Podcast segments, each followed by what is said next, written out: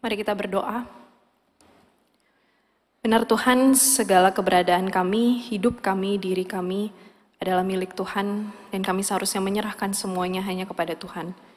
Hari ini ya Tuhan kami rindu sekali lagi Tuhan mengingatkan kami untuk menyerahkan segala keberadaan kami ke dalam tangan Tuhan. Sebab Engkaulah yang memiliki hidup kami. Kami semua sudah siap mendengarkan firman Tuhan ya Tuhan, karena itu berbicaralah kepada kami. Demi Kristus kami berdoa dan mengucap syukur. Amin. Saudara-saudara, saya mengajak kita semua dengan tetap bangkit berdiri untuk membuka Alkitab kita dari satu bagian firman Tuhan dari kitab Ulangan, pasalnya yang ke-10. Ulangan pasalnya yang ke-10, saya akan membacakan bagi saudara sekalian ulangan pasal yang ke-10 ayat yang ke-12 sampai ayat yang ke-19.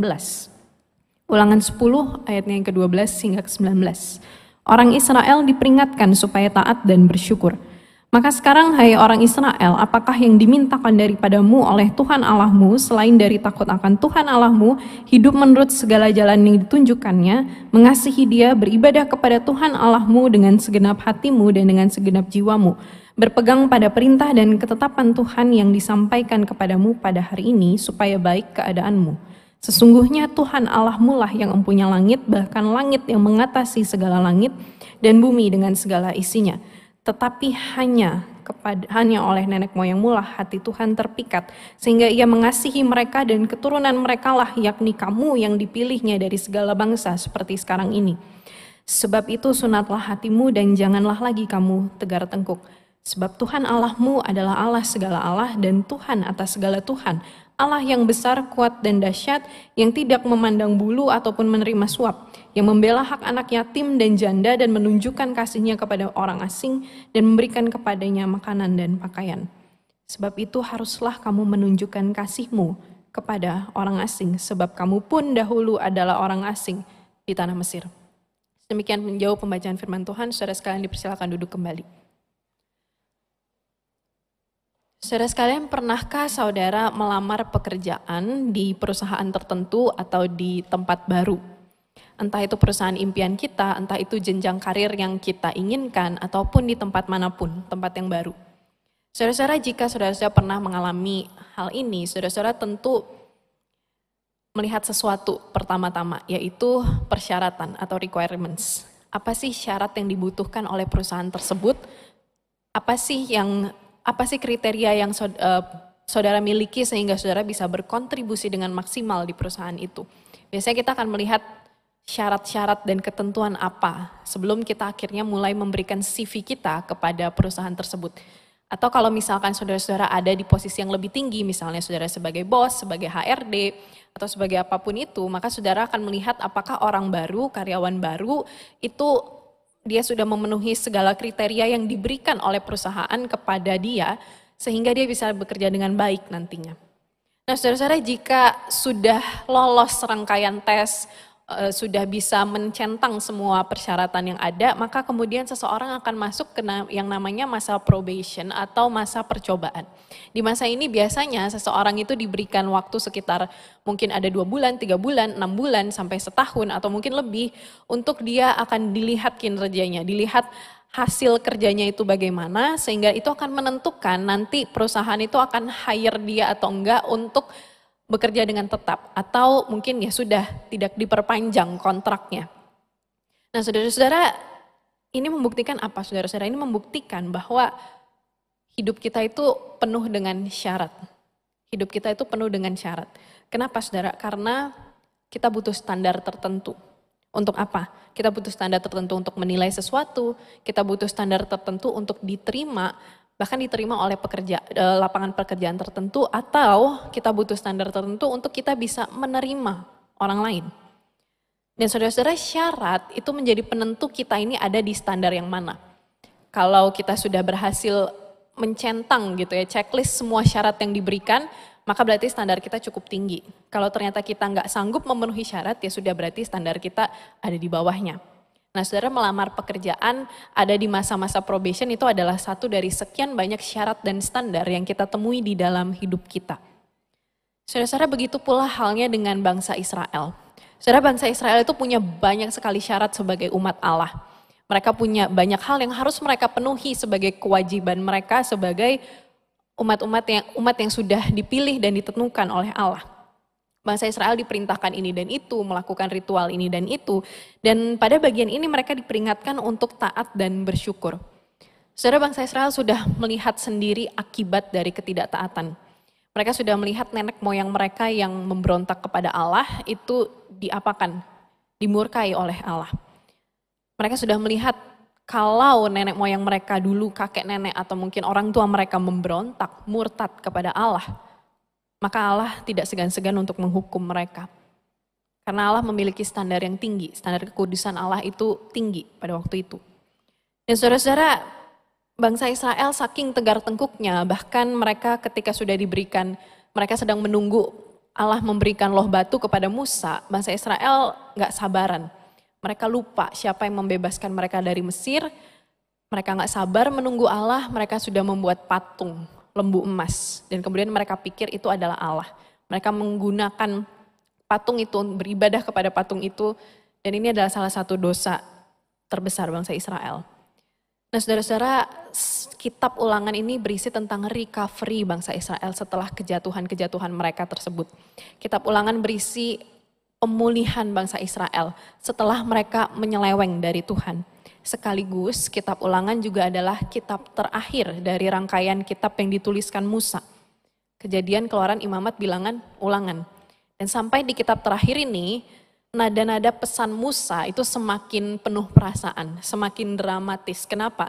Karena Musa tahu dia nggak akan tinggal lama lagi bersama dengan orang Israel. Musa tahu sebentar lagi dia harus menyerahkan tongkat estafet kepemimpinan bangsa Israel itu kepada penerusnya si Yosua. Sehingga pesan-pesan Musa di kitab ulangan ini sebenarnya cukup penuh perasaan.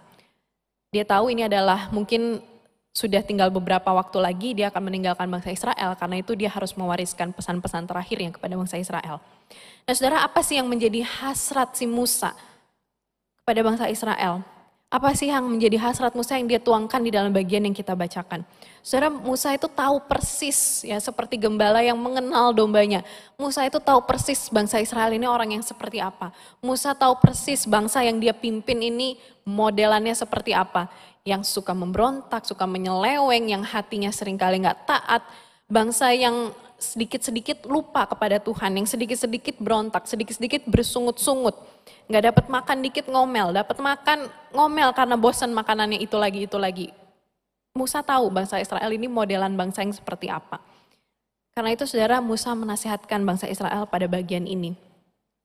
Untuk mengenal Allah dengan cara empat hal.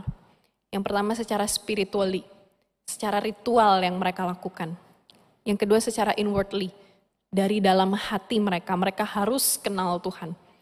Yang ketiga externally, melalui perbuatan yang mereka lakukan. Enggak cuman secara ritual, secara hati doang mereka kenal, tapi perbuatan mereka juga menunjukkan siapa Tuhan. Dan yang keempat, eternally, sampai kekekalan. Sampai kekekalan Musa ingin bangsa Israel sungguh mengenal Tuhan. Saudara keempat aspek ini sama sekali tidak bisa dipisahkan. Karena apa? Karena kita nggak bisa bilang kita mengasihi Tuhan, tapi kita tidak melakukan kewajiban agama kita. Kita nggak bisa bilang kita taat kepada Tuhan, tapi kita nggak melakukan perbuatan baik kepada orang sekitar kita. Saudara-saudara hal yang sama yang Musa ingin ingatkan kepada bangsa Israel. Musa ingin orang Israel itu tidak hanya paham soal ritual agama sebagai aktivitas rohani mereka, tetapi juga mereka memberikan hati mereka yang terpaut kepada Tuhan. Musa ingin bangsa Israel tidak hanya paham soal ritual agama sebagai persyaratan mereka di hadapan Allah, tapi juga hati yang terpaut kepada Tuhan. Itu yang lebih penting. Saudara-saudara pada bagian ini bangsa Israel itu diberikan dua requirements, dua persyaratan. Yang pertama adalah mereka itu punya syarat pertama tugas di hadapan Allah, dan yang syarat kedua bagi mereka adalah tugas di hadapan manusia, tugas terhadap sesama manusia. Saudara-saudara tugas di hadapan Allah dikatakan bahwa bangsa Israel itu diperintahkan untuk takut akan Tuhan, hidup di jalan Tuhan, mengasihi Tuhan, beribadah kepada Tuhan dengan segenap hati dan jiwa. Saudara-saudara dengan segenap hati dan jiwa. Saudara-saudara bangsa Israel dididik dengan sedemikian kerasnya setelah mereka keluar dari Mesir untuk mengasihi Tuhan dengan segenap hati dan jiwa. Saudara-saudara takut akan Tuhan yang dikatakan pada bagian ini bukan bukan berarti melihat Tuhan sebagai sosok yang menyeramkan, sebagai sosok yang kerjaannya cuma mencari kesalahan dan menghukum karena itu kita harus takut kepada Tuhan. Bukan saudara. Tetapi justru melihat Tuhan sebagai dengan penuh penghormatan. Melihat Tuhan dengan penuh penghormatan. Maka iman yang, didas yang kita miliki itu akan didasari dengan rasa hormat. Bukan karena takut. Bukan fear-based faith. Tetapi kita sungguh takut akan Tuhan karena kita hormat kepada Tuhan. Dan kemudian saudara-saudara Musa melanjutkan nasihatnya dengan menasihatkan bangsa Israel untuk hidup di jalan Tuhan dan mengasihi Tuhan. Mengasihi Tuhan. Saudara penghormatan dan kasih kita kepada Tuhan itu harusnya berjalan beriringan, bukan berbanding terbalik. Kita nggak bisa hormat hormat saja karena kita takut atau kita nggak bisa hanya mengasihi tanpa ada rasa respect kepada Tuhan. Penghormatan dan kasih kepada Tuhan itu adalah dua hal yang saling berkaitan. Saudara-saudara, dan kedua prinsip ini mempengaruhi bagaimana kita itu beribadah dan membawa diri kita ke hadapan Tuhan. Saudara, ketika kita datang beribadah kepada Tuhan, saudara apa yang kita bawa sesungguhnya? Ketika kita datang duduk di gereja, ataupun kita saat ini sedang berada di rumah, duduk di hadapan layar kita, apa yang kita bawa ke hadapan Tuhan? Apakah kita membawa hati yang sungguh terpaut kepada Tuhan, fokus kepada Tuhan? Dan kalau Tuhan melihat ke dalam hati kita, apa yang Tuhan temukan? Apakah Tuhan sungguh menemukan kita yang bilang sehari-hari, saya mengasihi Tuhan. Tuhan juga menemukan hati yang sama juga. Saudara-saudara, apakah Tuhan menemukan requirements, persyaratan yang pertama ini dalam diri kita? Atau mungkin kita mungkin justru seperti bangsa Israel yang hanyut ke dalam masalah ritual tetapi kita lupa masalah aktual yaitu totalitas diri kita di hadapan Tuhan. Saudara-saudara bangsa Israel pikir mereka sudah mengasihi Allah dengan cara melakukan serangkaian ritual, serangkaian aktivitas agama, aktivitas spiritual mereka. Tapi mereka lupa memberikan hal yang paling utama yang menjadi milik Tuhan, yaitu hati mereka. Saudara-saudara jangan sampai apa yang ada di dalam hati kita dan apa yang sesungguhnya kita lakukan, yang kita keluarkan, yang kita ekspresikan itu berbanding terbalik kita bilang kita mengasihi Tuhan, puji Tuhan, anak Tuhan. Tapi hati kita justru melakukan yang Tuhan benci. Maka dari itu saudara-saudara ada persyaratan atau requirements kedua bagi bangsa Israel dan juga bagi kita yang dinasihatkan oleh Musa. Yaitu tugas terhadap sesama manusia. Saudara dikatakan bahwa bangsa Israel itu harus menunjukkan kasih mereka terhadap orang asing. Karena mereka dahulu juga adalah orang asing di Mesir.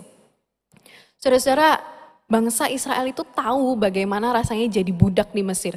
Bangsa Israel tahu bagaimana rasanya menderita di negeri orang, jadi orang asing, sudah jadi orang asing, bukannya jadi turis enak-enak, tapi jadi orang asing dan jadi budak.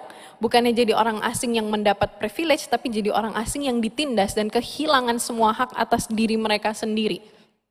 Saudara-saudara mereka paham betul bagaimana rasanya jadi orang asing yang tidak diinginkan. Maka dari itu Tuhan menasihatkan orang Israel, untuk mengasihi orang asing. Kamu tahu rasanya yang gak enak. Maka dari itu jangan perlakukan orang lain seperti kamu diperlakukan yang gak enak itu. Perlakukan orang lain dengan penuh kasih. Sekali lagi saudara kita melihat Allah yang begitu besar kuasanya itu justru memilih untuk mengasihi orang yang lemah. Di ayat yang ke-17 sampai 18 dikatakan apa? Allah itu penuh kasih kepada orang yang lemah. Allah atas segala Allah, Tuhan atas segala Tuhan. Dia berlaku adil dan penuh kasih terhadap anak yatim, janda, orang asing. Secara Allah yang luar biasa besar kuasanya memilih untuk mengasihi yang lemah. Dan orang Israel juga diingatkan untuk berlaku kasih yang sama kepada orang-orang yang lemah. Secara orang-orang yang lemah itu selalu ada pada kita. Kita keluar rumah sedikit, kita lihat di lingkungan sekitar kita, ada terlalu banyak orang-orang yang lemah di sekitar kita, entah kita sadar atau tidak. Orang-orang yang menggantungkan nasib hidupnya kepada kita, orang-orang yang secara profesi itu tugasnya melayani kita, orang-orang yang mungkin secara status sosial itu di bawah kita, orang-orang yang kita mungkin pandang sebelah mata. Saudara orang-orang yang lemah itu selalu ada pada kita. Dan saudara-saudara bukankah inilah cara kerja dunia saat ini? Harus ada yang kuat, harus ada yang lemah, harus ada yang memimpin dan dipimpin, harus ada yang mendominasi dan didominasi, harus ada yang di atas dan harus ada yang di bawah. Saudara ini kita nggak mau pungkiri bahwa ini adalah cara kerja dunia saat ini. Tapi masalahnya di tengah-tengah cara kerja dunia yang seperti ini, bagaimana kita sebagai orang yang mengaku mengasihi Allah, kita hidup di dalamnya dan kita mewujudkan kasih Allah di tengah-tengah budaya dunia yang seperti ini. Saudara-saudara, kasih kepada Allah itu dibuktikan dengan kasih kepada sesama. Karena apa saudara-saudara? Karena ketika kita bilang kita mau taat, bangsa Israel diperintahkan untuk taat. Maka kita diperintahkan untuk taat saudara-saudara. Kita diperintahkan untuk taat dan bersyukur atas kasih Tuhan. Saudara, ketaatan dan kasih kepada Tuhan itu juga harusnya kita wujudkan dengan kasih kepada sesama. Karena apa? Karena ketaatan kepada Allah dan kasih kepada sesama itu juga harusnya berjalan beriringan bukan berbanding terbalik. Ketaatan kita kepada Allah dan kasih kita kepada sesama itu bukan dua hal yang harus terpisah saudara, tapi justru harus sejalan. Saudara-saudara pada ayat 16 Musa berkata, sunatkanlah hatimu dan janganlah lagi kamu tegar tengkuk. Saudara ini merupakan sebuah peringatan keras bagi bangsa Israel. Saudara bangsa Israel paham betul budaya sunat itu artinya apa. Artinya mereka harus menyucikan diri dengan segala ritual yang sudah mereka lakukan, anak bayi yang anak laki-laki yang baru lahir harus disunat dan sebagainya, mereka paham betul apa arti sunat bagi bangsa mereka. Dan ketika Tuhan bilang sunatkanlah hatimu, Tuhan Tuhan ingin bangsa Israel itu sadar. Hatimu itu sudah terlalu cemar. Hatimu itu sudah melenceng, sudah memberontak. Maka dari itu sucikan lagi. Bersihkan lagi, kuduskan lagi. Saudara-saudara perubahan hidup seseorang itu berasal dari hati. Sadar atau nggak sadar, semuanya berawal dari hati. Saudara, hati itu kompas kehidupan kita. Ke mana hati kita mengarah, ke situ kaki kita berjalan. Dan saudara-saudara, hati kita itu seperti apa, itu dampaknya kepada keputusan kita. Kepada apa yang kita cintai, kepada tindak tanduk kita. Kepada semua yang pilihan yang akan kita ambil. Dan saudara-saudara, ketika kita memilih untuk taat kepada Tuhan, itu berarti hati kita juga kita transformasi, kita ubah. Saudara taat kepada Tuhan pada bagian ini itu bukan sekedar taat karena diperintahkan. Tuhan memerintahkan bangsa Israel untuk taat, Tuhan memerintahkan kita untuk taat, maka kita taat. Bukan saudara. Tapi justru karena Allah telah terlebih dahulu mengasihi kita. Saudara-saudara taat kepada Tuhan itu bukan sekedar perintah tetapi memerlukan sebuah transformasi dari hati. Dan yang kita bawa kepada Tuhan adalah hati yang siap diubah, hati yang ditransformasi. Karena Tuhan telah terlebih dahulu mengasihi kita. Saudara yang sering jadi pertanyaan bagi kita sebenarnya adalah kenapa Tuhan itu masih tetap memilih bangsa Israel. Saudara kalau kita melihat jejak, rekam jejak bangsa Israel yang penuh pemberontakan, yang penuh dengan uh, segala kebobrokan moral dan spiritual mereka yang penuh dengan segala, mereka melakukan segala hal yang Tuhan benci. Saudara mungkin pertanyaan kita kenapa bangsa seperti ini masih dipilih? Kenapa bangsa ini masih kok masih ditolong oleh Tuhan? Tuhan menghukum mereka, Tuhan melenyapkan sekian generasi. Tapi kenapa Tuhan masih memilih mereka? Saudara jawabannya ada di ayat 14 sampai 15. Saudara di ayat 14 kita bisa melihat bersama bukti dari kebesaran Tuhan sebagai Allah pencipta. Allah segala Allah, Tuhan atas segala Tuhan. Tapi saudara di ayat 15 dikatakan apa? Tetapi hanya oleh nenek moyang mula hati Tuhan terpikat sehingga ia mengasihi mereka. Saudara dalam bahasa Inggris dikatakan yet the Lord set his heart in love on your fathers. The Lord set his heart in love on your fathers. Tuhan memilih untuk mengasihi bangsa Israel di antara bangsa-bangsa lain. Sudah sekilas mungkin kalimat ini terdengar biasa aja ya sudah memang memang konsepnya seperti itu gitu ya. Tuhan mengasihi bangsa Israel ya sudah terus ada apa dengan itu. Saudara tapi sekali lagi ketika kita melihat Allah yang begitu besar, kita melihat rekam jejak dan trajektori bangsa Israel yang bobrok yang sering kali amnesia rohani, mereka amnesia, mereka lupa siapa Tuhan, mereka lupa pertolongan Tuhan, mereka lupa pimpinan Tuhan.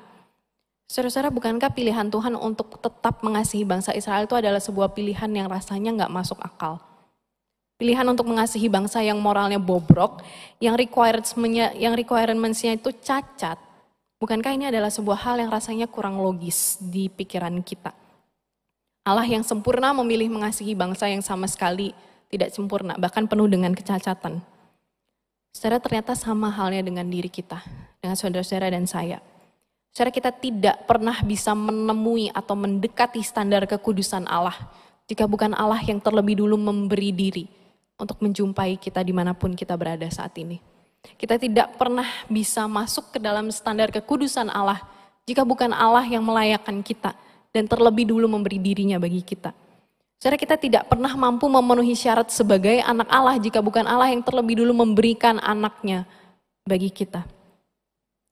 Saudara-saudara mengasihi orang yang baik itu mudah, tapi mengasihi orang yang jahat itu butuh anugerah. Dan kita tahu kita bukan ada di kriteria pertama untuk dikasihi oleh Tuhan. Namun saudara kabar yang melegakan bagi kita semua adalah He sets His heart in love for us. He sets his heart in love for us. Tuhan memilih mengasihi kita. Jauh sebelum kita memenuhi se semua syarat yang Tuhan berikan. Jauh sebelum kita itu memenuhi semua syarat sebagai anak Tuhan. Tuhan memilih mengasihi kita. Secara natur kita nggak pernah mampu mengasihi Tuhan dengan utuh saudara-saudara. Naluri kita selalu memilih dosa, kiblat kita selalu pada kenikmatan diri kita sendiri. Tapi saudara ketika kita mampu mengasihi Tuhan pun, itu karena Tuhan yang telah terlebih dahulu mengasihi kita.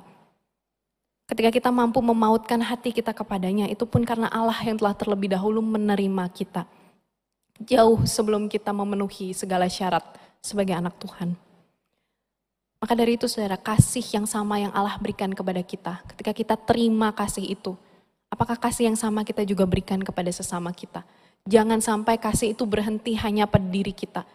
Kita mengaku kita milik Allah, kita dikasihi oleh Allah, kita menerima segala kebaikan Allah, tapi kita lupa memberikan kasih yang sama bagi sesama kita. Saudara-saudara kasih Allah kepada kita itu sedemikian tidak terbatasnya. Saudara Agustinus berkata bahwa the measure of love is to love without measure. Batasan dari kasih adalah mengasihi tanpa batas. Kasih seperti inilah yang Allah berikan bagi engkau dan saya. Dan kasih yang sama yang juga harusnya kita berikan kepada orang-orang di sekitar kita. Jangan sampai kita mengaku kita anak Allah, kita dikasihi Allah dan kita mengasihi Allah, tapi kita lupa memberikan kasih yang sama kepada sesama kita. Dan saudara-saudara kalau saat ini di antara saudara-saudara ada yang sedang bergumul, bagaimana kita melihat kasih Allah. Mungkin kita sudah terlalu larut di dalam aktivitas-aktivitas rohani kita, tapi kita udah lupa rasanya dikasihi Allah. Kita melakukan segala hal pelayanan kita hari lepas hari, minggu demi minggu. Kita sibuk dengan segala macam ritual kita, saat teduh kita, pelayanan kita, jadwal-jadwal yang padat. Tapi kita lupa gimana rasanya dikasihi Allah. Kita juga lupa gimana rasanya dibanjiri oleh cinta dari Tuhan. Saudara, jika saat ini di antara saudara ada yang sedang bergumul dengan hal yang demikian, saudara-saudara terimalah kembali undangan Tuhan bahwa He sets His heart in love for us. Tuhan memilih mengasihi saudara dan saya. Maka dari itu panjangkanlah saudara-saudara tangan dan langkah kita untuk mengasihi orang-orang di sekitar kita. Dan saudara, kalau suatu saat saudara-saudara lupa bagaimana rasanya dikasihi oleh Tuhan, bagaimana rasanya dikasihi oleh Allah. Saudara-saudara ingat kata di Overtones. Forever is a long time, but I keep my words that I say to you. Together we can go far as long as I'm with you. Tuhan bayangin, saudara bayangin Tuhan itu mengasihi saudara sedemikian dalamnya. Dan Tuhan bilang apa? Cause I will fall for you, no matter what they say, I still love you. Tuhan mengasihi saudara dan saya jauh sebelum kita memenuhi semua syarat sebagai anak Allah. You'll never be alone. Now look me in the eyes, I still love you. Till forever. Tuhan mengasihi, Tuhan masih mengasihi kita. Jauh sebelum semua syarat itu kita bisa penuhi. Mari kita berdoa. Ya Tuhan ini setiap kami, kami membawa segala keberadaan kami sekali lagi ke hadapan Tuhan. Di tengah kegagalan kami untuk memahami kasih Tuhan, di tengah-tengah kegagalan kami untuk memberikan kasih kepada sesama kami, Tuhan ampunilah kami. Dan saat ini Tuhan kami ingin kembali datang ke hadapan Tuhan. Kami yang sering kali ini mirip seperti bangsa Israel Tuhan. Kami sering kali amnesia rohani, kami lupa bagaimana rasanya dikasihi oleh Tuhan. Sehingga kami lupa juga mengasihi sesama kami. Ampunilah kami ya Tuhan. Dan saat ini kami ingin Tuhan kembali mengingatkan kami, menegur kami dan menguatkan langkah kami untuk mengasihi Tuhan dan mewujudkan kasih itu kepada sesama kami. Sebab hati kami ini kami rindu untuk selalu diubah oleh Tuhan. Terima kasih ya Tuhan kami menyerahkan setiap diri kami ke dalam tangan Tuhan. Terima kasih untuk kasih-Mu dan terima kasih untuk penerimaan yang Kau berikan kepada kami. Demi Kristus kami berdoa dan mengucap syukur. Amin.